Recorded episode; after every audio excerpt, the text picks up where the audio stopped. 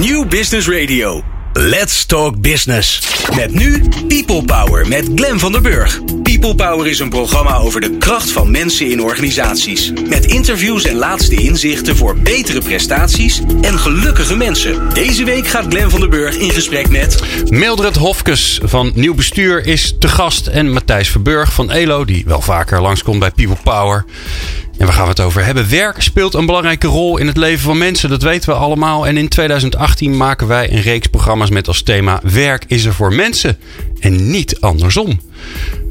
Wat als we kijken naar werk als resource in plaats van de mens als resource? Wat gebeurt er dan eigenlijk? Wat kan dat ons dat bieden en welke effecten heeft dat op de manier waarop wij werken? Hoe draagt dat uiteindelijk dan ook weer bij aan de organisatie? En dit thema verkennen we samen in People Power met uh, People Power partner Elo. Van het eerste uur overigens al, al heel lang. En Aukje Nauta is vandaag onze columnist met haar maandelijkse aanrader over duurzame inzetbaarheid. Um, ja, in deze 130ste aflevering van People Power alweer. Wil je nou meer luisteren? Abonneer je dan op onze podcast via iTunes. En op onze website vind je uitleg hoe je dat kunt doen voor Apple, Android, Sonos en PC. En dan ga je naar peoplepower.radio, onze nieuwe mooie URL.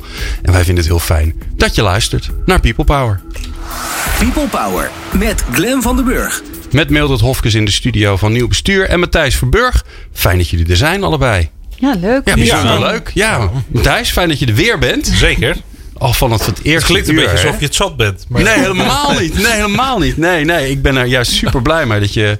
Nou ja, ik weet nog wel dat eh, ik jou vertelde dat ik een gek idee had om een, een radioprogramma te beginnen. En dat jij zei: Goh, nou, dat kan nog wel eens interessant zijn. En nou, hier zitten we eh, na bijna drie jaar nog steeds. Dus het Ja. gaat hartstikke goed. Ehm, ja, wat we, wat we vaak horen is dat bestuurders zeggen: Mijn mensen zijn de belangrijkste asset van mijn organisatie. Een mooie gevleugelde uitspraak. En Mildred, jij werkt eh, al heel lang met heel veel bestuurders. eh, op het gebied van reputatie eh, met name. Maar de laatste jaren is dat, ook, is dat ook weer een andere kant op gegaan. Hè? Jij zei in een voorgesprek tegen mij... ja, uiteindelijk krijg je de reputatie die je verdient. Dus gaat het er vooral ook om hoe bestuur je nu eigenlijk. Ehm, jij, hoor jij dat nou ook vaker bestuurders zeggen? Van ja, maar mensen die zijn zo belangrijk voor me. Oh ja, eh, toen ik eh, twaalf jaar geleden begon met een bureau in reputatiemanagement, moest ik dat nog best wel vaak uitleggen. Want dan vroegen bestuurders aan mij van, eh, hè, we hebben een imagoprobleem of reputatieprobleem, kan jij het oplossen? En dan zei ik van, nou ja, je krijgt inderdaad de reputatie die je verdient. Dus hoe komt het dat jullie reputatie niet goed is? En zo kwam ik ook steeds vaker eigenlijk in gesprekken met bestuurders terecht. En dan gebeurde er eigenlijk iets heel interessants. Zeg maar, zolang de deur open bleef, eh, spraken zij als functionaris, zou ik het maar zeggen. En dan waren er hele duidelijke soort van taal die daarbij past. Hè, over inderdaad, onze mensen zijn het belangrijkst. En wij doen heel veel aan diversiteit. En we proberen, hè, milieu eh, staat bij ons voorop. En eh, nou, allemaal hele gevleugelde uitspraken die we allemaal van bestuurders horen op de radio en televisie. En dan gebeurde er wel wat interessants, want dan ging de deur dicht. En dan zat er opeens het mens, de mens eh, als bestuurder. En die liet dan echt heel duidelijk zijn dilemma's zien over eh, hoe moeilijk het is om een bedrijf winstgevend te houden, eh, terwijl je ook de mensen goed wil verzorgen, bijvoorbeeld. Of hoe moeilijk het is als de aandeelhouder steeds maar meer rendement wil, terwijl je de leveranciers ook goed wil betalen. Hè? Of hoe moeilijk het is om klanten echt oprecht goed te bedienen, terwijl alles steeds goedkoper moet. Nou, en dan die dilemma's die zij deelde, daar, dat heeft mij enorm geïnspireerd om te zeggen: hoe kan het nou dat wij bestuurders eh, eh, als maatschappij blijven afrekenen op het rendement wat, eh, wat we bedrijven moeten maken? En daar zijn we eigenlijk allemaal mee bezig. Denk daar maar eens goed over na. Terwijl we eigenlijk allemaal heel goed begrijpen. Nou, hoe doen we dat dan? Nou, wij willen allemaal graag rendement op ons eh, spaargeld of op onze investeringen. Dat vinden we eigenlijk heel fijn. Ja, hè? Pensioenen. pensioenfondsen. Dus dan verwachten we dat daar toch veel geld eh, uit terugkomt. Eh, wij willen graag goedkope producten kopen, bijvoorbeeld. Hè, We kiezen toch voor het goedkoopste. Ja, allemaal naar de action. Ja, bijvoorbeeld. Dus, er wordt, dus wij zijn natuurlijk ook een beetje allemaal op hun eigen dubbele moraal. Maar daar wil ik straks nog wel iets over zeggen. Maar weer even terug naar die bestuurders. Dat bestuurders eigenlijk. ehm, eh, dat er dus een verschil is tussen eh, de taal die zij spreken in het systeem. En de, de menselijke taal. Die wij allemaal graag willen horen en, en die we ook begrijpen. Ja. En dat heeft me geïnspireerd om het nieuw besturen op te richten, zeg maar. Ja. En nou ehm, even over dat systeem, met, die deur open. Waarom vinden ze eigenlijk allemaal en geloven ze er ook echt in? Want ik, ik hoor het ook vaak terug van bestuurders dat als ik ze hoor zeggen van ja, nee, tuurlijk, eh, zonder onze mensen kunnen we het niet. En sterker nog, die maken het verschil. En uh, verder technologie, ja, dat heeft iedereen allemaal als het gaat om onze mensen. Maar om daar dan handen en voeten aan te geven, daar faalt het toch vaak. En wat is dat dan in dat systeem wat daarvoor zorgt? Nou ja, we hebben onze. Kijk, ik probeer steeds meer uh, zelf te begrijpen hoe we daar grip op kunnen krijgen. En volgens mij, ik ga met jullie wat delen vandaag. Ik ben benieuwd of jullie daar ook zo over denken. Dat je jezelf ook gaat trainen. Of je nou het systeem aan het, uh, uh, zeg maar, het systeem aan het dienen bent. Of de menselijkheid. Dus als je kan kiezen bijvoorbeeld in een uh, supermarkt tussen fruit. Hè? Je ziet goedkoop fruit en fruit wat biologisch is. Dan kan je denken, ja, maar ik vind het goedkoper en uh, dat komt er beter uit. Maar je kan ook denken, zal ik het systeem dienen? Hè? Zorg voor het goedkoopste, koop ik het goedkoopste fruit. Dan weet ik in ieder geval. Uh, of zal ik de mens, ga ik voor de menselijkheid? Voor wat ons mensen maakt. Hè? Ja, en, en dan ga ik het nog ingewikkelder maken. Hoe weet je dat überhaupt? Want als het biologisch is, dan denk ik altijd ja wij roepen met z'n allen en heel hard dat dat beter is. Maar is dat eigenlijk wel zo? Is dat wel beter voor het milieu, voor de mensen, voor weet ik veel? Hè? Het, is, het is in ieder geval anders. Hè? Dus ja. het is een, maar dat is ook weer een systeem, toch? Want om biologisch gevonden te worden, moet je ook weer aan allerlei dingen voldoen. Ja, ja. Dat, die, dat, die weer die... per perverse dingen oplevert. Maar dat komt omdat wij door het systeem eigenlijk zo weinig vertrouwen nog hebben in elkaar. Ja. dus als ik iets zeg, dan, dan, dan is de, bij wijze van spreken de eerste vraag: geloof ik het wel? Terwijl wij, kijk, ik denk dat wij als mensen heel krachtig zijn. Wij, wij kunnen heel goed aanvoelen of we iets vertrouwen of niet. Hè? En als wij als mensen ons zouden, echt zouden verbinden, dan zouden we daar heel goed uh, een antwoord op kunnen vinden. Maar dat doen wij toch maar ook niet. Het gaat niet. inderdaad over vertrouwen. Want uh, biologisch dan volgens mij kopen ik zelf ook. Je koopt het omdat je het gevoel hebt, daar is het minst mee geknoeid. Ja. ja. Uh, ja. En als je hebt een boek van Louise Fresco, Hamburgers in het Paradijs. Dat is een dikke pil, dus ik, ik zit op het derde ongeveer. en die zegt, ja, die hele biologische industrie. Uh, dat is eigenlijk heel milieuvervuilend. Dus daar kunnen we nooit alle monden mee voeden. Dus omarm nou gewoon alle revoluties op, uh, hè, op voedingsgebied. Maar dat vinden we ook eng, want dat zijn een soort machines. En waaraan je je overgeeft. Dus ergens willen we het echte verhaal horen. Hè? En ja.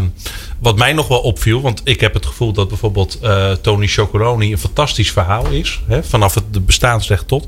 Nou zat ik, laatst zag ik bij Jinek, zat uh, Teun van de Keuken.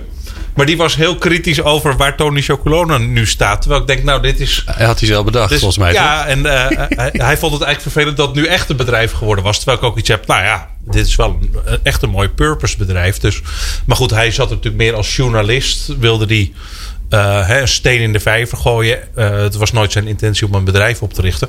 Maar goed, in ieder geval, dat, heeft, dat is wel een merk waar we allemaal een bepaald gevoel bij hebben. Van dat klopt. Hè? Dus dan voelt het, voel je minder schuldig als je die chocola koopt. Versus iets waarvan je denkt, uh, nou, het is lekker goedkoop, maar geen idee waar het vandaan komt. Ja. Maar het is wel. Uh, maar jij had eigenlijk iets. Je moet voor jezelf ook die knop als consument eens aanzetten. Ja. Dat je bewuster nadenkt. Hè? Want je kunt heel makkelijk organisaties de maat nemen. Maar neem jezelf ook eens de maat als consument. Dat is wel terecht. Ja. En ook als werknemer. Hè, van, uh, uh, nou, daar kan je ook over nadenken van... in mijn werk ben ik dan echt bezig met het systeem te dienen? Of ben ik uh, echt waarde aan het toevoegen voor zo breed mogelijk groep ja. mensen? En dat is ook een keuze. En als jij ervoor kiest, uh, kijk, ik denk ook al dat we gewoon van de oordelen af moeten. Want iedereen heeft altijd oordelen voor alles en iedereen. Maar sommige mensen kiezen ervoor hè, om het systeem te dienen. Nou ja, dat, dat is een keuze. En die verdienen bakken met geld. En die halen daar heel veel geld uit. Uh, ja, en daar vind, vinden andere mensen weer wat van. Hè? Dat zou kunnen. Maar ja. En uh, als jij. Uh, als je nou eens kijkt naar. Je spreekt een hoop bestuurders. En je ziet bestuurders die niet zo bezig zijn met nieuw besturen en uh, bestuurders die dat wel heel erg zijn. Ja. En wat, als je het heel grof zegt, wat is nou het verschil tussen waarom doet iemand dat wel of niet? Is dat idealisme? Is dat, zijn het gewoon mensen die meer risico durven te nemen en harder willen veranderen? Of voor de veilige route kiezen? Of wat bepaalt nou of iemand een bestuurder is die ervoor gaat en of niet? Ja, dat is natuurlijk een hele interessante vraag. Want in toen ik begon, ging het echt over uh, met reputatiemanagement. kwam ik twee soorten bestuurders tegen. Bestuurders die zeiden: help mij te, om, om, een goede reputatie te krijgen. Hè, of bestuurders die zeiden: help mij om de reputatie die ik al heb, business-wise uh, groter te maken. Dus er van een, zeg maar een model van te maken, waardoor ik continuïteit krijg in mijn organisatie. En waardoor ik ook op een andere manier aan de buitenwereld kan laten zien dat ik waarde aan het toevoegen ben. Dus niet alleen maar financieel, maar ook op niet-financiële waarde. Mm -hmm. Nou, en die, die, die scheidslijn is heel interessant. Want eh, de bedrijven die zeg maar uit de eerste categorie, die kloppen bij ons aan en die willen eigenlijk een betere reputatie kopen. Hè? En uh, die denken, nou uh, ja, wat moeten we doen? Wat moeten we zeggen? Wat moet ik leren? Hoe, moet ik eruit zien? wat is de, wat, hoe moet onze site eruit zien? Enzovoort. Daarvan hebben we al heel snel gezegd, daarvan zijn we al 80 uh, of 90 andere bureaus die jullie daar graag bij willen helpen. Uh, dat doen wij niet.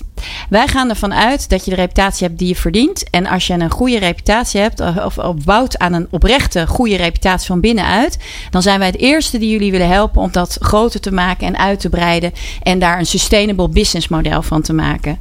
En dat is ook de afgelopen twaalf jaar de studie die ik zelf heb gedaan. Dat ik gewoon steeds meer bewijsmateriaal heb verzameld van bedrijven die dat doen. Dus die niet vanuit image besturen, maar echt vanuit zo binnen, zo buiten. En uh, die zo transparant mogelijk zijn en, en, en, en openstaan voor signalen van buitenaf. En daar ook zeg maar, in verbinding met de maatschappij eigenlijk hun business runnen. Dat dat hele succesvolle businessmodellen zijn. En bedrijven die eigenlijk uh, ja, de transparantie niet aankunnen en toch proberen om een goed imago te kopen, zou ik maar zeggen, die gaan vroeg of laat altijd onderuit. Ja. En dat kost altijd veel meer dan het korte termijn winst. Mildred, ik ben zo heel, ik ben zo heel benieuwd naar die voorbeelden van die bedrijven die dat gaan doen. Hè? Maar eerst even, even terug naar het dilemma wat bestuurders hebben. Hè? Want ja. even heel simpel gezegd, denk ik dan. Jij hebt de macht, hè? je bent de baas. Je, je vindt je mensen het belangrijkste wat er is. Binnen organisaties houden heel veel systeemachtige dingen, die houden uh, zeg maar, mensen klein. En hè, doordat er functies zijn, doordat er beoordelingssystemen zijn. Allemaal dingen waarvan we eigenlijk, en zeker bestuurders, denken: waarom doen we dat nog? En toch zeggen ze niet: weet je wat we doen? We stoppen ermee. Mm Dat zijn er maar zo relatief weinig. Wat is dat nou wat ze daarin tegenhoudt? Nou ja, dat, dat heeft ook heel erg te maken met de bezieling van de bestuurder, zeg maar. Er zijn heel veel bestuurders die gaan eigenlijk van bedrijf naar bedrijf. Let maar op, die zitten vier jaar daar, vier jaar daar. En die komen dan en die hebben eigenlijk een heel duidelijke, duidelijke opdracht. Uh, namelijk uh, zorgen dat het bedrijf meer waard wordt als ze weg zijn. En daarvoor is veel uh, gerechtvaardigd, zeg maar. Dus ook de taal, vandaar maar bij ons de mensen maken bij ons het verschil enzovoort. En dat is eigenlijk, kom ik een beetje terug bij mijn eerdere betoog. Dus het is lip service. Het is, het is een beetje imagebuilding. Want ja. als hij echt, uh, er is een bestuurder die ik wel uh, daarin het voordeel van de twijfel wil geven, absoluut. En dat is uh, Wiebe Draaier van de Rabobank. Ik geloof dat hij oprecht die positie heeft betrokken om het verschil te maken. En dat is een ontzettend interessant proces. Want hij is niet de zoveelste bestuurder die daar een paar jaar Rabobank bestuurt en dan weer met een grote afscheidsfeest wordt uitgewoven. Maar hij probeert echt binnen de middelen en de mogelijkheden die hij heeft als, als, als, als uh, topfunctionaris van het bedrijf, het verschil daar te maken. En daarom vind ik, het heel erg fijn dat wij. Uh, Wie Bedraaien heeft al een keer op ons congres gesproken. En dat nu uh, Janine Vos, we zullen straks nog iets meer denk ik, over het congres vertellen. Mm -hmm. Maar zij is nu de Chief HR Officer van Rabobank. Dat is heel interessant, want in heel veel bedrijven is de HR-functie helemaal weggestopt hè, in de staf. En dat is eigenlijk voor 90% een administratieve functie. En uh, no way dat er op het bestuurlijk niveau hè, de, de, de, human, humanity of uh, menselijkheid Mm -hmm. Er wordt gewoon niet over gesproken. Er wordt over CFO, de financiën, of de COO, de operation. Ja. Maar de HR, de mensen, die, die doen niet mee in dat gesprek. Daarom is het interessant dat Wie Bedraaier als een nieuwe CEO, inmiddels niet, niet meer nieuw, maar een aantal jaren verder, heeft gezegd: die HR-functie bij ons, die moet top in de, in de, in de top van de piramide. Want dan is er ook invloed. En dan kun je als HR-functionaris ook fundamentele invloed uitoefenen. Dat is interessant. Dat is interessant. Ja. We praten zo verder met uh, Mildred Hofkes van uh, Nieuw Bestuur, onder meer. Want die doet al, is weer echt zo'n ondernemersmens die allerlei dingen doet. En Matthijs Verburg van ELO. En dat gaan we vooral ook praten over de goede voorbeelden. Nou ja, zoals blijkbaar wie bedraaier. En dat hoor je straks. People Power. Inspirerende gesprekken over de kracht van mensen in organisaties. Met Glen van der Burg. Ja, ik sorry, ik moet even lachen. Want Matthijs Verburg en Wildert Hofkes zijn in de studio. En tijdens de muziek zitten ze zo geëngageerd door te praten. Ze die kunnen gewoon niet stoppen. Dus, dus eh, blijkbaar hebben we een interessant onderwerp voor uitpakken. En we hebben het over, ehm, eh, over werk is er voor mensen en niet andersom. En ehm, ja, heel veel bestuurders die eh, propageren in ieder geval dat ze mensen het allerbelangrijkste vinden in de organisatie. Ehm, nou, en toch eh, gebeurt het niet altijd. Nou, net uh, Mildred zei al van ja, sommige bestuurders die komen toch vooral om even een zet aan het bedrijf te geven en gaan vervolgens weer ergens anders heen. Dus als zij dat zeggen, dan is dat vooral voor de bühne, maar niet vanuit het hart. Nou, en misschien uh, als ik nog even ja. mag aanvullen, daar hadden we net geen tijd voor. Um, maar ik zat, uh, uh, ik denk een jaartje geleden met Willem Vermeend in een radio-uitzending. Oh ja. En het leuke was, die zei eigenlijk: uh, Nou, ik reis, hè, ik zit in de fintech-wereld. Ik kom over de hele wereld. Dit, uh, hij praat altijd, uh, hij praat vier keer zo snel als ik. maar goed, maakt niet uit. En hij zei: het, het grappige is, ik kom uit die hele kapitaalwereld. En hij zei: Als iets makkelijk is, is het aan kapitaal komen. Hè? En hij zei: Dat vinden veel mensen ingewikkeld. Maar geloof me, uh, wij financials hebben iets dat regel je gewoon. Als jij een goede case hebt, is de financiering ophalen allemaal niet zo ingewikkeld. En hij zei: Wat ik zo raar vind, in al die raden van bestuur gaat het driekwart van de tijd over de geldstromen. Hij zei: Nou, als iets makkelijk en eenduidig is en goed op te lossen, is het dat. En wat je uniek maakt in deze tijd, is of je de beste mensen hebt of de juiste mensen die bij jouw missie passen. Dat is het enige verschil wat jouw organisatie uiteindelijk maakt. En daar moet het over hebben. Hoe hoe zorgen wij dat we een plek zijn waar die mensen willen werken? Dat we de juiste mensen binden, dat we hun ideeën gebruiken. Zitten ze er nog lekker bij? Maar daar is geen tijd voor om het over te hebben. En hij zei dat is eigenlijk het meest krankzinnige. Uh, want hij zei, we, er groeien nu generaties op die kunnen kiezen waar ter wereld ze gaan werken. En die kijken, is dat een leuk bedrijf? Kan ik daar mijn ideeën kwijt? Heb ik er iets mee? Maar zei, er wordt totaal niet op ingespeeld vanuit de top. Uh, behalve als er gezegd wordt, uh, er wil niemand meer bij ons werken. dan, dan is er paniek. Ja, ja. Er moet eerst een probleem zijn. Dat, uh, maar goed, dat schetste hij een beetje als sfeerbeeld van Ja. het gaat veel te veel over geld eigenlijk. Dat, Ja, ja. Nou. Mildred, je zit, je zit in stemmen te knikken. Is Ja. radio, hè? ik moet altijd visueel, ik moet visueel maken. Ja, ik ben het hier natuurlijk helemaal mee eens. Omdat ook in onze stakeholder-analyse modellen zie je heel duidelijk terug dat het sturen op alleen maar geld is eigenlijk helemaal niet zo moeilijk. Uh, het is veel complexer om stakeholderbelangen goed te, te waarborgen binnen een- hè, in, in je bestuurstijl. En dat is natuurlijk ontzettend raar dat bestuurders daar niet op worden eh, afgerekend. Ze worden alleen maar afgerekend op de omzet. Dat wordt aan hun gevraagd. En daarom pleit ik er ook zo voor dat we die, die, die, die waardering van bedrijven gaan veranderen. Want als we met z'n allen alleen maar blijven kijken naar wat het aan de onderkant van de streep oplevert, zullen we altijd de bestuurders krijgen die we nu hebben. En weet je wat ik nou het gekke vind, hè? Ehm, eh, als je een beetje in die, die HR, die mensenwereld zit, dan kom je overal tegen. Ehm, als je betrokken medewerkers hebt, heb je betere resultaten. Eh, nou, het, het, het boek ehm, eh, Firms of Endearment, ik weet niet of je het kent. Ja, ja, nou, ja. fantastisch boek. Eh, studie van 15 jaar. Bedrijven die beter met hun stakeholders omgaan, hebben betere resultaten. En dan denk ik, al die jongens en meisjes en meneer en mevrouwen die in die financiële wereld zitten, die weten toch ook dat deze cijfers er zijn. Waarom zitten die niet in die modellen? Eh, of misschien zitten ze wel in, maar zegt niemand het of zo. Eh, het is een betere voorspeller voor toekomstig succes dan hè, maar kijken naar hoeveel omzet heb je gemaakt en kunnen we dat grafiekje doortrekken. En er gebeurt zo weinig mee. Nou, ik zal je geruststellen, we zijn met een projectteam bezig die daar aan werken. oplossen. Wij gaan het oplossen. Yes. Binnen nu en vijf jaar is er een sluitend model. eh, waarbij we bedrijven dus op beide poten kunnen gaan waarderen. En waar, wat ook transparant is, wat mensen kunnen zien. Dus daar wordt aan gewerkt. Ik zie je nou wel. Ik heb, Ja, ja, heel goed idee. Ja, nee, nou ja. En tot die tijd, eh, eh, ja, ze denk ik dat het voor iedereen nogmaals heel interessant is om te blijven toetsen. Hè, eh, je had het nog even over of bestuurders ehm, eh, doorhebben wat voor een effect hun eigen stijl en gedrag heeft op de organisatie. Ja. Toch? Ja, daar hadden we het net even in de pauze over. We moeten iedereen even meenemen. Ja, dat is een van de dingen waar ik. Tenminste, als ik werk met managementteams, met, met, met leidinggevenden, dan, dan zeg ik altijd tegen ze: "B- besef je wel dat jij ziet je misschien jezelf als mens, maar anderen zien jou als de baas. En dan kun je nog zo vriendelijk en mensgericht en open, en weet ik wat allemaal zijn. Je blijft de, de, de, de leider van de roedel. Dus hoe jij je gedraagt, heeft ongelooflijk veel invloed op wat mensen doen. Dus als je eens een keer eh, eh, als je een keer het oude gedrag wat je niet meer wil zien bevestigt door het zelf ook te doen, hè, want je bent mens, dan heeft dat heel veel invloed, denk ik. Maar ja, beseffen mensen zich dat wel? Hè, dus beseffen, beseffen bestuurders zich wel wat voor invloed zij hebben als de leider van de club, die altijd in de spotlight staat, op het, op het gedrag van de rest van de organisatie?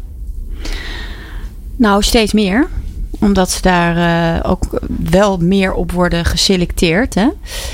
Uh, waarden zoals uh, empathisch vermogen en vermogen tot zelfreflectie. Dat worden wel heel steeds belangrijkere vaardigheden in de bestuurskamer. En wij zeggen altijd helder water stroomt van boven. Hè? Dus uh, de toon aan de top bepaalt de toon in de organisatie. Hoe de bestuurders met elkaar omgaan, gaat, zo gaan de organisatie met elkaar om. En ja, we hebben ook een paar hele mooie voorbeelden van bedrijven die wij ook begeleid hebben met die stakeholder-analyses. Wat daar interessant aan is, is dat je eigenlijk feedback van de buitenwereld ophaalt. Dat bestuurders ook zich um, opstellen vanuit gelijkwaardigheid hè, met de binnen- en buitenwereld. Dus niet top-down, maar vanuit gelijkwaardigheid. En reciprocity, wederkerigheid, vind ik fantastisch. Dat wordt het businessmodel van de toekomst, ja. wederkerigheid. En dat betekent ook dat bestuurders, uh, we hebben een paar mooie voorbeelden van bestuurders die hun medewerkers toespraken vanuit hun eigen kwetsbaarheid. Zoals? Uh, door te hebben, als je het over verandering hebt. Hè, als, je, als je bijvoorbeeld een betoog houdt dat je de organisatie mee wil nemen in een verandering. Dat je vertelt hoe spannend dat is. Als je moet veranderen. En dat je dan vertelt wat er in jouw leven is veranderd. En wat dat met jou heeft gedaan. En hoe moeilijk dat was. Ja? Dat je dat gewoon vertelt. En als mens. Ja. En niet een trucje of een, uh, een soort management talk, maar als mens. En dat lukt dat lukt. Als je dat vanuit je hart kan doen, dan raak je iedereen aan in zo'n zaal. Dus iedereen stil en luistert. En daarna durft iedereen zich ook te openen. Want en is dat dan waar jullie in geholpen hebben ook?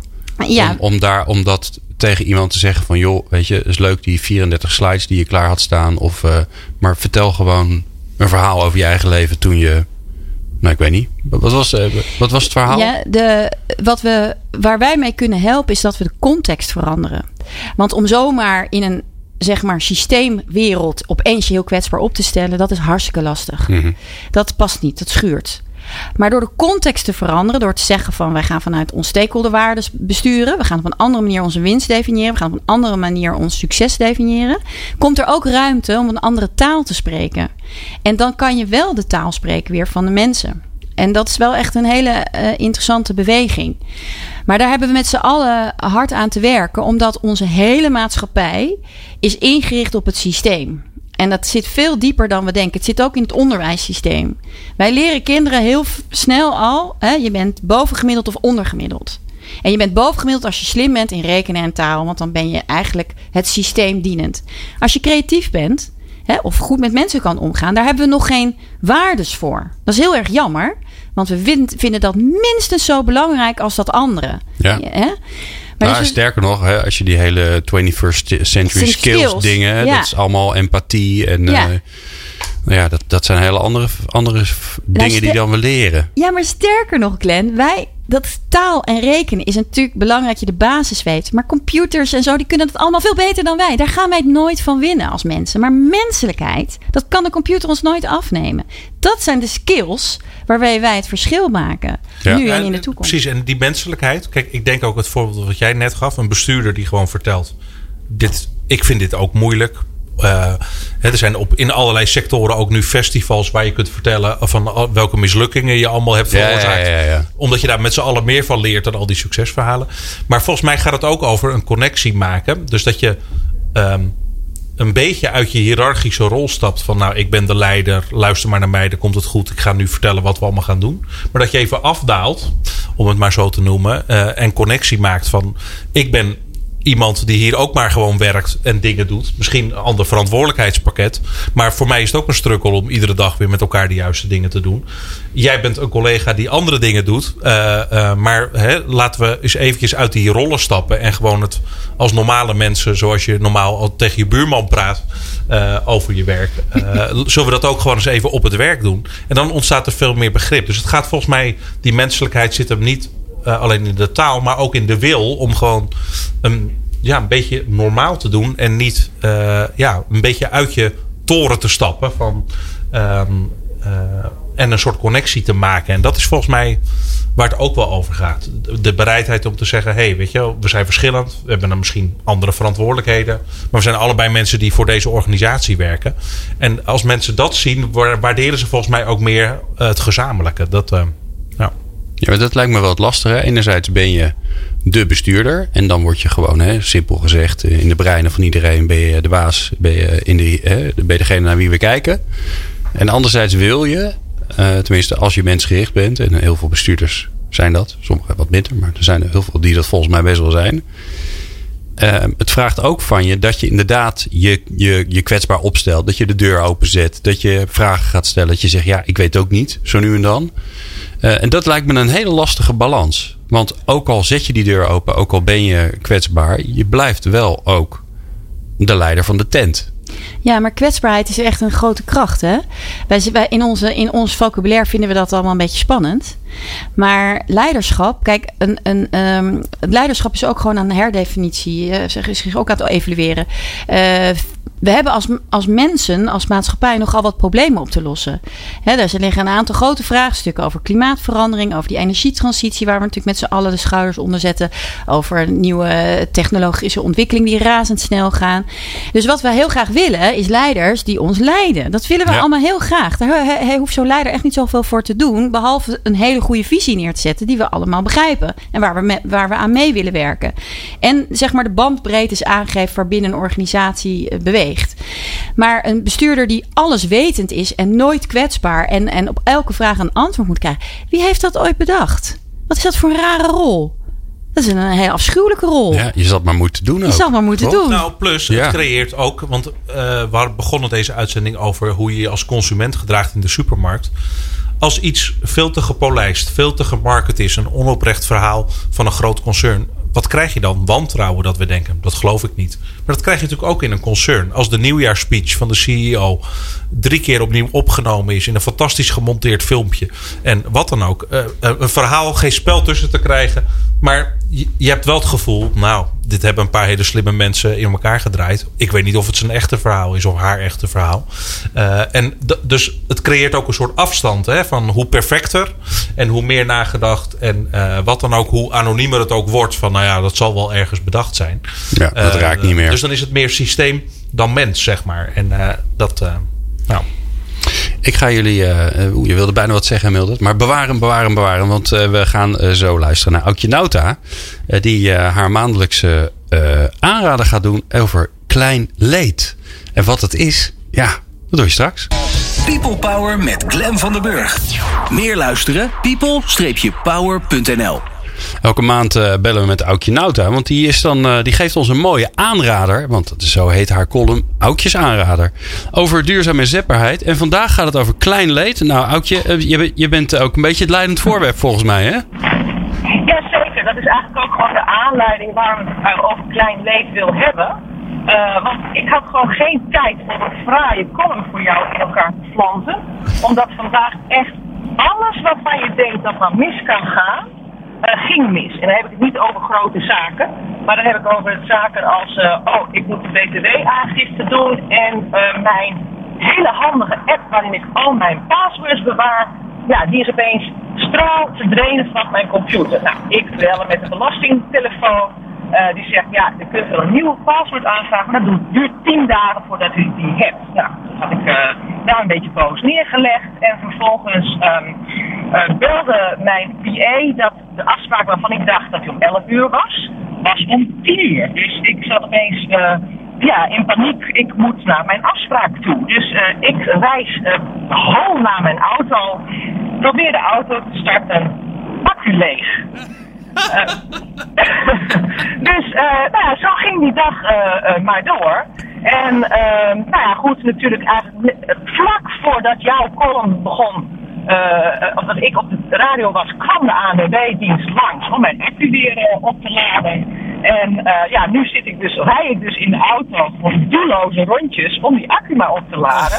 En bel ik dus vanuit de auto. Maar ja, wat is nu de moraal van dit verhaal? Want daar gaat het natuurlijk eigenlijk om. Um, er zijn van die dagen uh, ja, waarop alles misgaat. Maar uh, sommige dagen dan is dat helemaal niet erg. Dan heb je zoiets van, ha, ha, ha, alles gaat mis. En op andere dagen, uh, ja, dan gaat er soms ook wel eens wat mis. En dan denk je, oh jee, zie je wel, ik ben aan het dementeren. Of zie je wel, ik kan ook eigenlijk helemaal niks. Um, dus waar het dan precies aan ligt, weet ik eigenlijk niet. Maar ik weet wel dat het heel erg helpt om dat kleine leed ja, met een beetje uh, speelsheid en veerkracht uh, te nemen, tot je te nemen. En uh, ja, iets wat ik bijvoorbeeld eens geleerd heb, uh, wat dan handig is, ja, dat is dat je eigenlijk gewoon naar jezelf kijkt alsof je in een film zit. He, want in een film is natuurlijk ook eigenlijk het meest interessante datgene wat altijd misgaat datgene waarvan we uh, denken van, uh, nou ja, we houden ook van video's waarin mensen in, in sloten belanden of babytjes struiken wat dan ook. Ik moet er zelf persoonlijk niet zo om lachen, maar in ieder geval drama, dat doet het goed. Maar je eigen drama, daar word je vaak een beetje depressief van.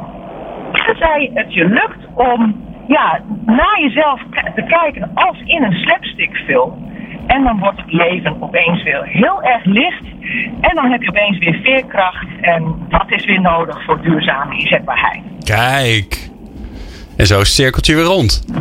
Precies. Ja. Dus ik zit hier eigenlijk gewoon ontzettend vrolijk in de auto te lachen om mezelf uh, over wat er allemaal misgaat vandaag. En wij rijden gezellig met je mee. Ja, helemaal leuk. Ja. Ja. En ben ik een beetje goed te verstaan? Want ik had Ja, hoor. nog verkeerde oortjes gekocht. Ja, je bent, Maar- wel, je bent iets krakender dan normaal, maar, eh, maar, maar het is goed te verstaan hoor. Ik moet overigens ik moet gelijk denken aan ehm, eh, Benjamin Zander. Dat is een van mijn favoriete eh, TED-talks. Dat is Ja. een. ehm, ken je hem? Leiderschaps, hè? Een leiderschapsexpert en dirigent, toch? Oh. Ja, hij is dirigent. En dan een van de dingen die hij altijd zegt: van ja, als we een fout maken, nou ja, hè, klein leed, als er iets misgaat, dan gaan we in elkaar. En dan denken we, "Ah, het gaat mis. En dan gaan je schouders naar beneden en dan ga je krampen. En hij zegt dan: nee, dat moet je niet doen. Wat je moet doen is je armen omhoog gooien. En dan zeggen: how fascinating. En dan voel je je opgelucht en dan moet je erom lachen. En dan, eh, dan voelt het een stuk beter. En het grappige is volgens mij, maar jij kan het volgens mij uitleggen hoe dat komt. Als je fysiek iets anders doet dan wat je gewend bent te doen. Dus je inderdaad je gewoon dom maar domweg je arm in de lucht gooien. Zou ik overigens in, in de auto niet doen. Maar wel als je stilstaat. ja. Dan, dan Ja. reageert je, je hersenen reageren ook op je lijf. Die denken dan, hé, wacht even, ik was toch boos aan het doen. Maar nu ga je ineens een blij, blij gebaar doen. Nou ja, dan ga ik ook maar blij zijn. Ja. Ja, klopt. Hè. Dat doet mij weer denken eh, aan, eh, ja, aan de Leiden Universiteit waar ik nu zit. Daar wordt ook wel letterlijk onderzoek gedaan naar ja, eh, posities die je kunt inhouden qua lichaamstaal, qua lichaamshouding. En ehm, ja, je kunt inderdaad van een lichaamshouding van in elkaar gedoken aannemen of juist van heel groot en meeslepend.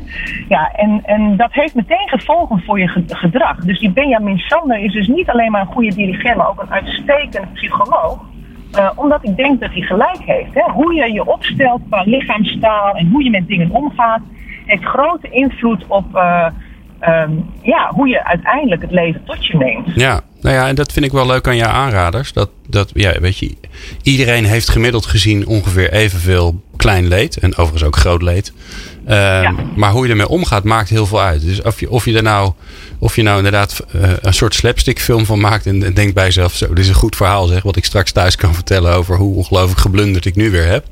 Um, en ja. je kan erom lachen. Dat, uh, voor mij scheelt dat een hoop in je geluksgevoel. Absoluut. Ja, en iemand die daar alles van weet is uh, Byron Katie. Zij heeft ook prachtige boeken geschreven, hè, The Work. En uh, ja, zij heeft ook, ook op basis van haar eigen ervaringen met een zware depressie waar ze in zat, ontdekte ze eigenlijk dat het niet de fysieke werkelijkheid is waar zij last van had, maar alle gedachten die ze daarover had. En het leuke van gedachten is dat je die misschien wel beter kunt sturen als, als alles wat je fysiek of materieel overkomt. Ja. He, dus als je, als je dat idee omarmt en je gaat spelen met je gedachten. Ja, want over alles wat misgaat kun je denken van, oh, ik doe ook altijd alles verkeerd. Of je kunt denken van, oh, het is weer zo'n dag uh, waar de wet van Murphy geldt. Um, en afhankelijk van ja, welke gedachten geloof je, want beide zijn misschien wel net zo waar. Hè? Ik doe ook heel vaak heel verstrooide dingen, zoals sleutels vergeten of een lampje in de auto aan laten staan waardoor de accu leegloopt. Dat was namelijk de oorzaak. um, en daar kun je dus verschillende dingen over denken, maar ja, uh, denk nou maar gewoon hetgene waar je het minst depressief van wordt en, uh, en het leven wordt weer licht. Ja. En dat, dat zeg ik natuurlijk wel, hè, ik moet er wel bij zeggen, dat lukt makkelijker bij klein leed natuurlijk dan bij groot leed. Eh, hè, want ik snap me al te goed dat eh, eh, ja, je heus niet alles met eh, alles tussen de oren op kunt lossen. Nee, maar wa- waarschijnlijk, Aukje, zette jij, vergat jij je lampje uit te zetten. omdat je bijvoorbeeld een heel goed idee had. Ja, dus dan kun je ook Nou. zeggen: ja, mag ik kiezen? Geen goede Ja. ideeën meer, maar wel mijn lampje uit. Dan Ja. zou ik toch zeggen: doe mij maar dat goede idee of dat leuke gesprek. waardoor je even ja, dat soort triviale dingen vergeet. Ja, ik vind het heel aardig hoor, dat je me gewoon helpt hiermee. Maar ik ga jou niet vertellen wat de werkelijke reden is waarom ik dat lampje vergeten was Oh, uit te zetten. Want dat was ook weer een andere stommiteit. Maar goed, ehm, het, het is natuurlijk wel zo dat degene die... Nou ja, hè, eh, dat, dat er een zekere samenhang, maar dat wil ik het ook niet wetenschappelijk helemaal te onderbouwen. Ehm, ehm, maar het zijn vaak wel de wat chaotische, verstrooide mensen die, ja, die her en der wel eens een goed idee hebben, laat ik het zo zeggen. En dat is natuurlijk waar ik mezelf dan ook eh, rijk mee reken. eh, dat er ook voordelen zitten aan een beetje chaotisch eh, zijn. Ja, daar hou ik me ook aan vast, altijd. Dat zeg ik ook altijd maar tegen mijn kinderen. Van, ach ja, weet je, ik ben misschien niet zo gestructureerd, maar het is wel altijd lachen. Ehm, ik dank jou bijzonder voor, jou, voor jouw mooie persoonlijke verhaal van Klein Leed. En ik, ik hoop je voor de rest van de dag dat het een beetje erop zit met het kleine leed. Ja, ik hoop dat ik in ieder geval zo meteen niet nog eens er, er- er- ergens tegenop bots. Nee, nee. Nou, dat, eh, daar gaan we bij helpen door lekker op te hangen. Uh, uh, Aukje, tot, uh, tot volgende maand. Dan spreken we weer in je eigen aanrader. Oké, okay, doei doei. Hoi. People Power met Glen van den Burg. Ja, we, Bruno Mars, wat een held. Ja, ik kan, kan, niet, kan niet blijven zeggen. Ik vind echt, weet je, soms... Ze gaan allemaal dood, hè, onze helden. Prince Nou, dood en ja. Bowie, allemaal dood. Maar dit is echt George een nieuwe Michael. held, hoor. Dit Ja. is echt een nieuwe held. Speelt alle instrumenten, uh, super muziek, relaxed vent, niet te ingewikkeld. Nou, anyways. Ook een nieuwe, ook een nieuwe bestuurder, bestuurder. toch? Bruno Mars Ja, is een moet nieuwe ik- in de bestuurder. uitzending. Ja. Eh, ja. Ja, leuk. Zullen we dat eens een keer gaan Volgende regelen? ja. Ja, kijk of Volgende die, week. Kijk of hij nog een gaatje heeft ergens. Jeetje mina. Hij komt op Pinkpop volgens mij. Dus daar Hoe cool is dat? Ja, Ja. dus ik heb volgende week volgens mij een kaartverkoop. Dan zit ik klaar. Lijkt me helemaal fantastisch. Ga ik met mijn dochter naar Pinkpop. Ik Als ze dat zelf ook nog wil. Ja, dat krijgen we nu, hè? aan. Ja. Anyways, eh, dat eh, een totaal ander onderwerp. Eh Mildred Hofkes van Nieuw Bestuur en Matthijs Verburg van ELO zijn in de studio. We hebben het over de rol van bestuurders in het centraal stellen van de mens. We hebben allerlei dingen besproken waarom het zo lastig is. Dat sommigen het eigenlijk helemaal niet willen, maar wel zeggen. Ehm, als bestuurders het nou wel willen. Mildred, mag jij even gaan eh, orakelen? Wat moeten, ze, nou- wat moeten ze gaan Het doen? orakel. Wat moeten ze gaan doen? Ja, ze moet, eh, ze moet laten, we zeggen, laten we eerst zeggen wat wij kunnen doen. Want we hadden het er net over. Als bestuurders willen bewegen, dan draaien ze eigenlijk dubbele shifts. Hè? Want ze moeten en het bedrijf op de ko- koers houden. En ze moeten een heel verandertraject in gaan zetten. En dat verdient eigenlijk heel erg veel lof. Want dat betekent dat je op, aan heel veel systemen gaat draaien. En heel veel eh, eh, muren te beslechten hebt. En ik denk dat bestuurders die dat doen, die verdienen echt al onze steun. Laat ik dat eh, voorop stellen. En daarbij hoort ook. Wie is jouw held? Nou, Dan mogen we nu even, even de lof delen. We in ieder geval één lof uit. Nou, ik vind. Ik heb er een aantal, maar een hele inspirerende bestuurder vind ik Anke Huizinga. Zoek het op. Eh, Zuidoostzorg, dat is een grote zorginstelling in Friesland. Zij is al sinds 2009 bezig daar om een kanteling eh, door te voeren. Eh, zij gelooft oprecht dat de zorg in Nederland, dat daar niet meer geld bij hoeft, maar dat er gewoon beter bestuurd moet worden. En dat dan en weer terug naar de menselijke maat, waarbij de medewerkers en de cliënten gewoon voorop staan.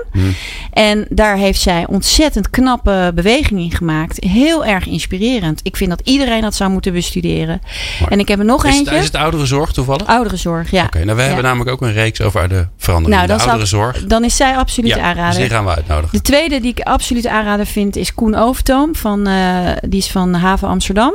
Havenbedrijf Amsterdam heeft net bekendgemaakt afgelopen eh, maart 2017 dat ze eh, de transitie van de energietransitie serieus nemen en daarnaar streven om de kolen in 2030 de haven uit te hebben.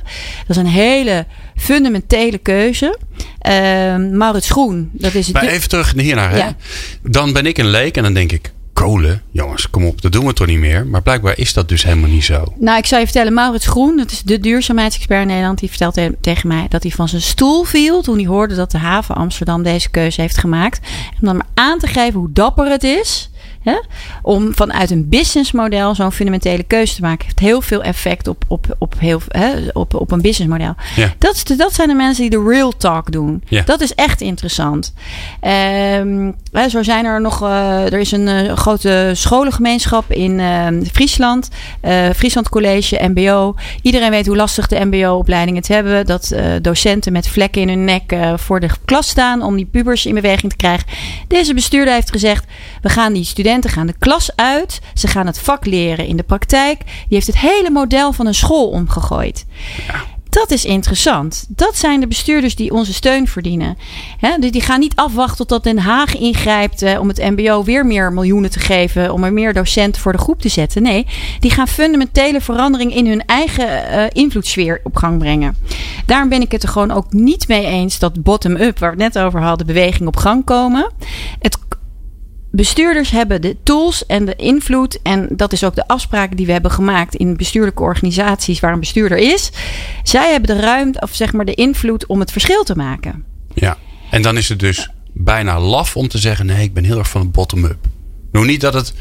En ik vind het ook altijd een beetje zo'n Nou, het discussie. in- hè? Het moet Ja, allebei. Nou, kijk, Toch? ik denk dat als je als bestuurder, zeg maar wat ik net vertelde, voor een groep gaat staan en je kwetsbaarheid toont, hè, dat, je, dat, je, dat je helemaal geen bottom-up beweging nodig hebt, omdat mensen zich gewoon ver- verbonden voelen met jou. Ja, ja, er is helemaal geen. Nou, maar met één kanttekening erbij. Als je het top-down doet. eh, ik ben het helemaal met jullie eens, daar moet een bestuurder voor gaan. Maar dan ben je dus ook een beetje beperkt tot de ideekracht van degene die boven in de top zit. Eh, en je ziet met alles, hè, ook de hele wisdom of the crowd. Je ziet wat internet doet. Hoe makkelijk je eigenlijk met elkaar veel meer kunt oplossen dan eh, de, de eh, persoon die in die functie zit. Dus de kunst is volgens mij dat je het meer democratiseert. Je bent aan de top. Eh, Van jou wordt een visie en een verbinding verwacht. En het ondersteunen van een missie. Maar daar betrek je anderen bij. Hun ideekracht, Ja, ja. maar ook in de uitvoering. Dus je bent niet degene die. Want heel vaak als mensen zeggen: Ik wil dat het bottom-up gebeurt. eh, maar bottom-up die heeft helemaal niet het mandaat om het in gang te zetten. Hè? Dan moet je eigenlijk ook lef hebben en zeggen: Ik bemoei me er niet mee. Iedereen, het moet van onderen komen. Maar ze krijgen ook met z'n allen het mandaat veel om het te succes. doen. Kan ook. Dat is wel spannend. Dat is een spannender model. Eh, maar je bent er onderdeel van. Je moet iets doen. Maar je moet ook de ideekracht en de energie van mensen gebruiken. En eh, niet alleen maar beslissingen eh, ver- mededelen. Het is wel grappig wat er gebeurt hè, door zo'n term te gebruiken. Bottom-up of top- top-down. Het is het een of het ander. Je ziet al wat er gebeurt gewoon. Je krijgt al dat. Ja, het is of het een of het ander. Terwijl als wij er twee minuten over Ja. hebben, dan kom je er gewoon. Ja, je moet het gewoon met elkaar doen. En iedereen heeft een rol te spelen. Maar weet je wat ik ook altijd zo mooi vind? Dat bedrijven dan zeggen, nou we gaan heel verandertrajecten inzetten en zo. En we huren allemaal consultants in en zo. En die top die doet gewoon niet mee. Ja, Ja. Die zegt, eh, ja. kunnen jullie even rapporteren hoe het met de veranderingen gaan? Ja, dan zeggen wij wel of we het goed vinden. Ja, ja. Dat nee, is dan besteed je dat- eigenlijk je ja. verandering uit. Ja. Dat, eh, Ja, dat kan eigenlijk niet. Hè? Nee, dat is heel rare, rare nee, mechanismes zijn Hey, dat. ehm, ik durf het bijna niet te zeggen, maar we zijn echt, echt al bijna door de tijd heen. Ehm, ik wil eigenlijk nog wel een uitsmijter van jullie. Oh, ik weet een hele goede uitsmijter, Mildred. Want daar hebben we het nog helemaal niet over gehad. 29 maart. 29 maart. The System or the People. Ja, Nou, onder het mom van niet denken, maar of doen is het nieuwe denken, hebben wij eh, op 29 maart een congres in Amsterdam. In de, eh, eh, naast de Rai, in prachtig Strand Zuid. Hele leuke locatie met glas midden in de natuur. En het thema is The System or the People. En we gaan het daar, zeg maar op verschillende sectoren, vanuit verschillende sectoren bekijken. Hè, wat knelt er nou het meest binnen jouw sector op, sector op het gebied van de- de- deze vraag? En we gaan kijken naar onderwijs met Jette Eh, college bestuursvoorzitter van In Holland. We gaan kijken naar zorg met Carl Verheijen. Carl Verheijen is de trekker van Positive Institute. Het gaat over positive health. In plaats van focus op zieke mensen, juist op gezonde mensen in de zorg. Business hebben we Annemiek Kiefiet van Axo Nobel. Heel interessant. Axo Nobel weten we allemaal, staat onder druk vanuit de aandeelhouders. Zij heeft daar een hele heldere visie op. Maatschappelijk middenveld bespreken we met Bernd Snijders. Hij is de oud-burgemeester van Haarlem en is nu voorzitter van het VSB-fonds. Over hoe het systeem knelt binnen, hè, binnen maatschappelijk, maatschappelijk middenveld. En we hebben Maurits Groen die de energietransitie uh, duidt. En ook de man van de Wakka Wakka. De man van de Wakka Wakka. en dat is het, slechts het ochtendprogramma. In de middag gaan we verder. En uh, dan hebben we, wat ik al zei, Janine Vos van um, Rabobank. Die haar licht zal laten schijnen op de systeemveranderingen die zij vanuit HR opzet binnen de Rabobank. We hebben een mooi verhaal van Harry van der Kraat, van de algemeen directeur van AWVN, de werkgeversvereniging, over het belang van goed werkgeverschap. Mm um, we hebben ook de, uh, heel spannend vind ik dat, Stijn Derksen van Vindicat, oud-rector. Nou, Vindicat vindt ook iedereen wat van het koor. Het, het ja. studentenkoor, waarin, uh, waarin we de vraag gaan beantwoorden met hem: uh, komt het vanzelf goed? Hè? Kunnen we vertrouwen dat de nieuwe millennials of de millennials het toch anders willen doen in de maatschappij en in de, in de organisaties? Of, uh, of, of is, heeft hij daar een andere kijk op. En we zullen kijken samen met, uh, gaan we bestuderen met Inzo van Zanten, hoe de uh, missie van Tony Chocoloni tot stand Kijk, is gekomen. Weer, ja. En of het ook klopt, wat er dus nu naar buiten komt, uh, al dan niet. Hè, of het wel zo sterk missiegedreven is of juist niet. En hoe zij daar ook een, een model omheen hebben gebouwd. Mooi. Heel interessant. Als mensen denken, goh, ik ben een bestuurder en ik wil er wel heen, kan dat nog? Ja, je kunt via www.nieuwbestuur.nl kun je opgeven. En je kunt ook meedoen aan een van die ochtendsessies. Of je kunt uh, inschrijven voor het congres. En dan gaan we eens met z'n allen niet praten uh, over uh, hoe het zou moeten zijn. Maar wat doen, we hè? kunnen doen. Ja, super. Ja. Nou, ik, ik, ik mag ook komen. Ik ja. mag uh, komen met een, met een microfoontje om, uh, om uh, aan mensen te vragen na de ochtendsessie: Goh, wat gaan jullie doen? Of ja. wat hebben jullie gedaan eigenlijk? Want ze moeten al in beweging komen. Dus dat vind ik super leuk. En um, dan moeten we even kijken. In ieder geval gaan we het delen via de website. Of we er nog ook in de, in de live uitzending wat mee doen. Maar in ieder geval via de podcast kun je dan beluisteren. Ja, wat al deze slimme mensen en mensen met macht. Wat die, wat die willen gaan doen. dank jullie wel. Mildred Hofkes van Nieuw Bestuur. En Matthijs Verburg van ELO. Uh, wil jij nou nog meer afleveringen luisteren van deze reeks Werk is er voor mensen? Ga dan naar peoplepower.radio en klik op radioreeksen. Daar vind je al onze acht reeksen van het komende jaar. Uh, en dan kun je dus uh, nou, een keuze in maken. Je mag ze natuurlijk ook allemaal luisteren. Maar als je denkt, oh god, dit vind ik wel de allerleukste. Dan klik je op Werk is er voor mensen. En dan vind je alle afleveringen die we samen met Elo hebben gemaakt. Over bestuurders gesproken. Straks gaat Harry Starre in gesprek met Ad van Berlo, oprichter van innovatie- en designbureau van Berlo. Bestuurslid van Brainport Industries en hoogleraar aan de TU de Technische Universiteit Eindhoven. Hoe doe je het allemaal in 24 uur in een dag? En dat doen we in onze reeks Leading People Power. Dat hoor je straks. Blijf lekker luisteren. Meepraten of meer programma's? people-power.nl